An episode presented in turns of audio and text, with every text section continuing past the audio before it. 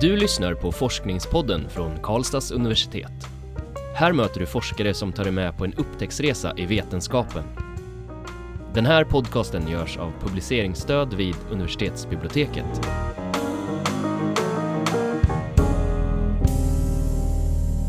Hej och välkomna till ett nytt avsnitt av Forskningspodden. Idag är vi bara två här i studion. Det är jag, Nadja, och med mig har jag Eva Andersson. Varmt välkommen Eva. Tack. Du har skrivit en licentiatuppsats som heter Förutsättningar för elevinflytande i grundsärskolan eh, med undertiteln Tillit, lyhörd, lyhördhet och vilja som vi vill prata med dig om. Mm. Så till att börja med, vad kännetecknar grundsärskolan som skolform? Det är en skolform som elever som bedöms ha diagnosen utvecklingsstörning har rätt att gå. Och det handlar om att elever som inte når, som man vet i förväg, och tror sig veta i alla fall, inte når målen i grundskolan har rätt att gå i grundsärskolan som har en egen läroplan. Okej. Ehm, och du skriver ju om deras inflytande i grundsärskolan. Hur väcktes ditt intresse för det? Jag har tidigare arbetat med barn med intellektuell funktionsnedsättning med fokus på språk, delaktighet och kommunikationsutveckling. Och det handlar om barns rätt till språk har intresserat mig. Mm. Och för att kunna göra sin röst hörd så behöver barnen ett språk, en kommunikationssätt. Och det är inte alla barn som har en utvecklingsstörning som har det naturligt utan man får jobba med det. Så det har jag jobbat med tidigare. Och när jag nu fick den här möjligheten att forska så var inte klivet så långt att titta på inflytande. För det handlar också om barns rätt. Mm. Barns rätt i utbildningen men också i en förlängning att barns rätt att göra sin röst hörd som, som samhällsmedborgare efter skolans slut. Som också är skolans uppdrag i ett demokratiskt perspektiv. Mm. Och hur gick du tillväga i dina studier för att få fram För inflytandet. Ja. Jag har varit i klassrum och observerat interaktionen mellan lärare och elever. Och det är alltså elever med intellektuell funktionsnedsättning. Mm. Så jag tittar på interaktionen och vad som, kan, vad som påverkar när man får inflytande. Eller när erbjudande kommer om inflytande. Mm. Var det så att du bara satt med i undervisningen eller hade du kamera med eller hur gjorde du? Jag har filmat Mm. och jag har antecknat.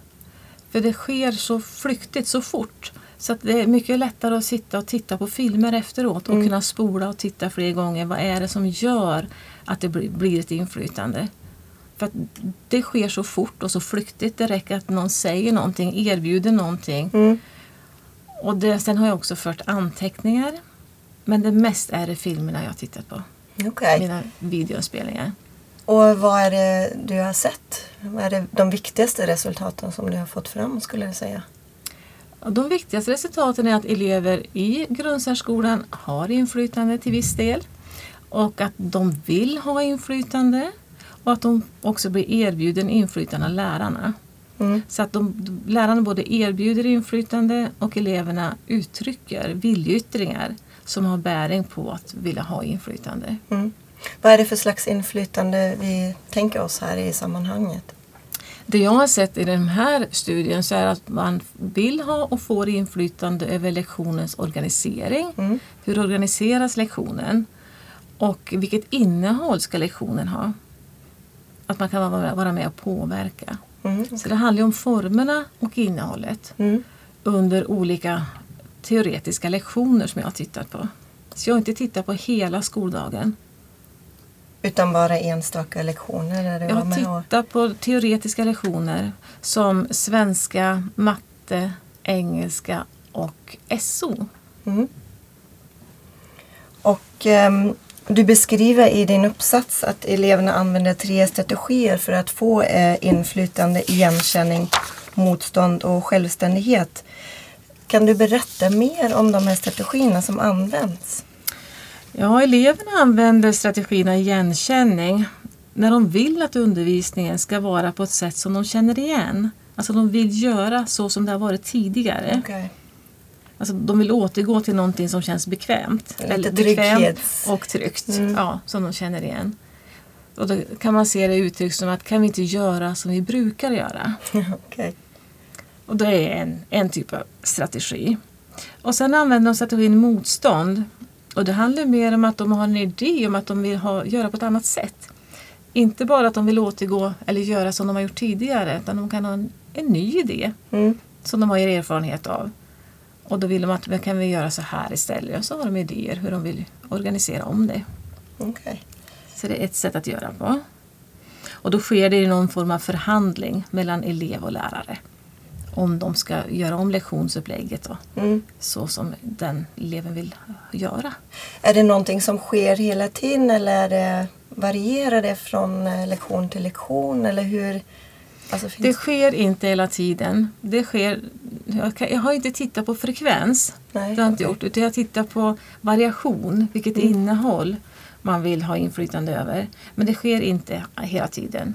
Utan det, jag har inspelade lektioner där det inte sker något inflytande. Och jag har lektioner inspelade där det sker flera inflytande incidenser. Okej. Mm. Så det, det ser lite olika ut. Det beror på elevgruppen och innehållet. Och vad det är som styr dagens undervisning. Ehm, har du också tittat på hur lärarna ser på det? På den ger eleverna inflytande och så jobbar de aktivt med det eller är det mer någonting som sker utan att de ens tänker på det kanske? Ja, jag, jag säger att det är mycket oplanerat inflytande. Mm. Jag kan inte se att det är planerat i någon stor utsträckning alls. Utan det sker här och nu, Mm. i stunden. Och det sker att man frågar eleverna till exempel att nu ska vi göra det här och så har man en genomgång. Och när genomgången är klar så kanske man frågar ska, ska vi göra så här? Mm. Och det är en form av inflytande men det är en snabb, flyktig fråga som erbjuder inflytande. Och en del svarar på den, en del elever är snabba och svarar och en del elever hinner inte med. För Mm. de har redan bestämt om det, om det ska vara så eller inte. Så det ser lite olika ut. Okej.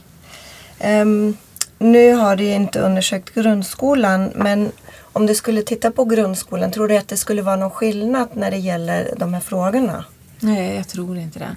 För jag har ju ändå läst in mig på forskning Mm. mot både grundskola och grundsärskola. Och elever har i överlag lite inflytande, både nationellt och internationellt. Så jag, jag skulle tro att det ser ganska likadant ut. Mm. Ehm, Och tittar man på svensk forskning också i grundskolan så vill elever ha mer inflytande över både lektionsinnehållet och hur man, formen på lektionerna. Så det är nog samma, så det är samma, samma tankar och samma idéer. och samma, Ja. ja.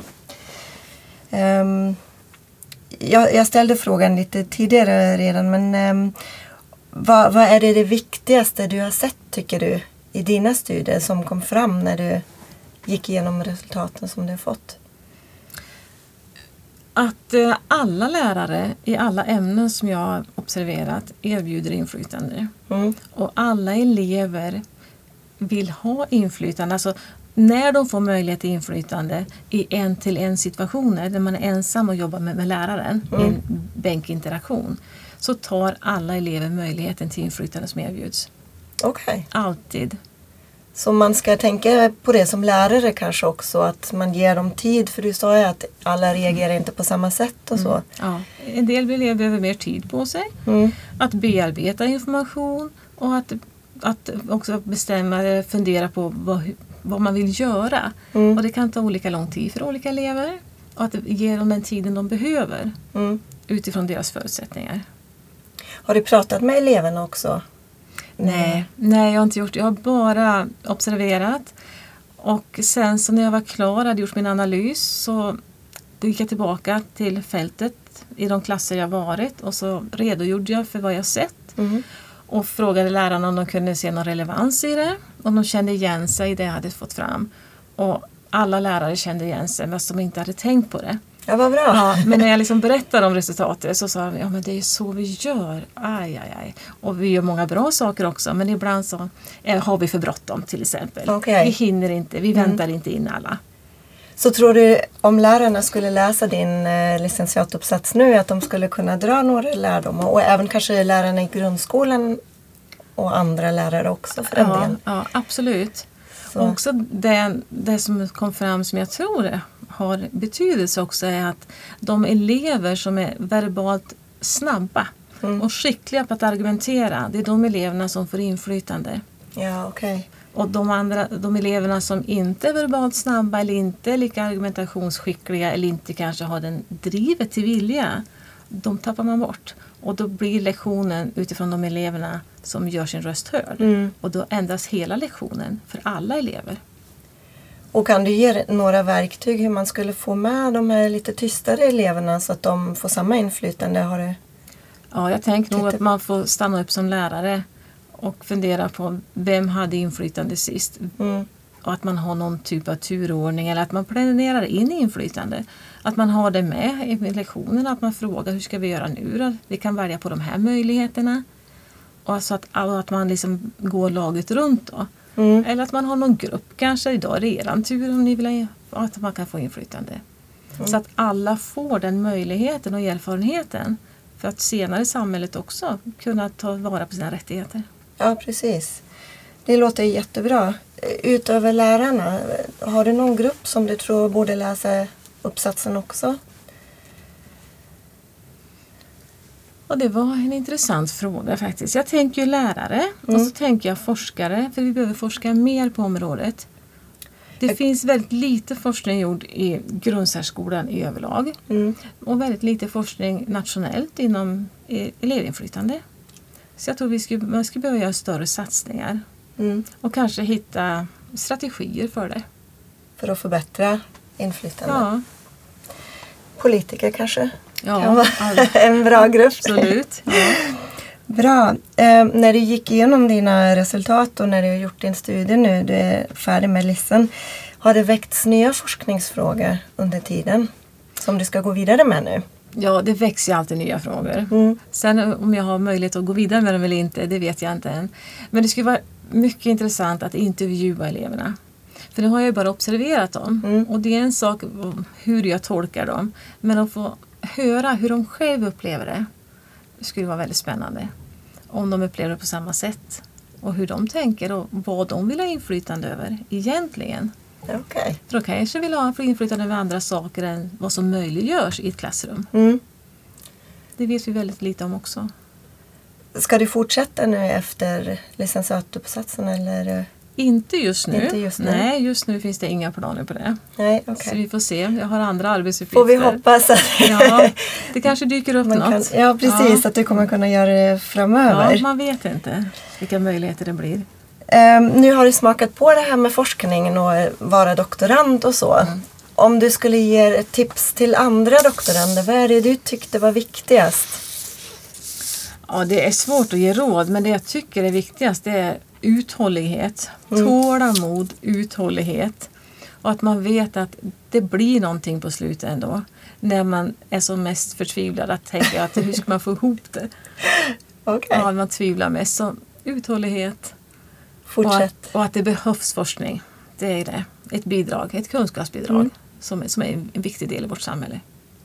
Det var väl jättebra avslutande ord tackar Eva. Tack så mycket.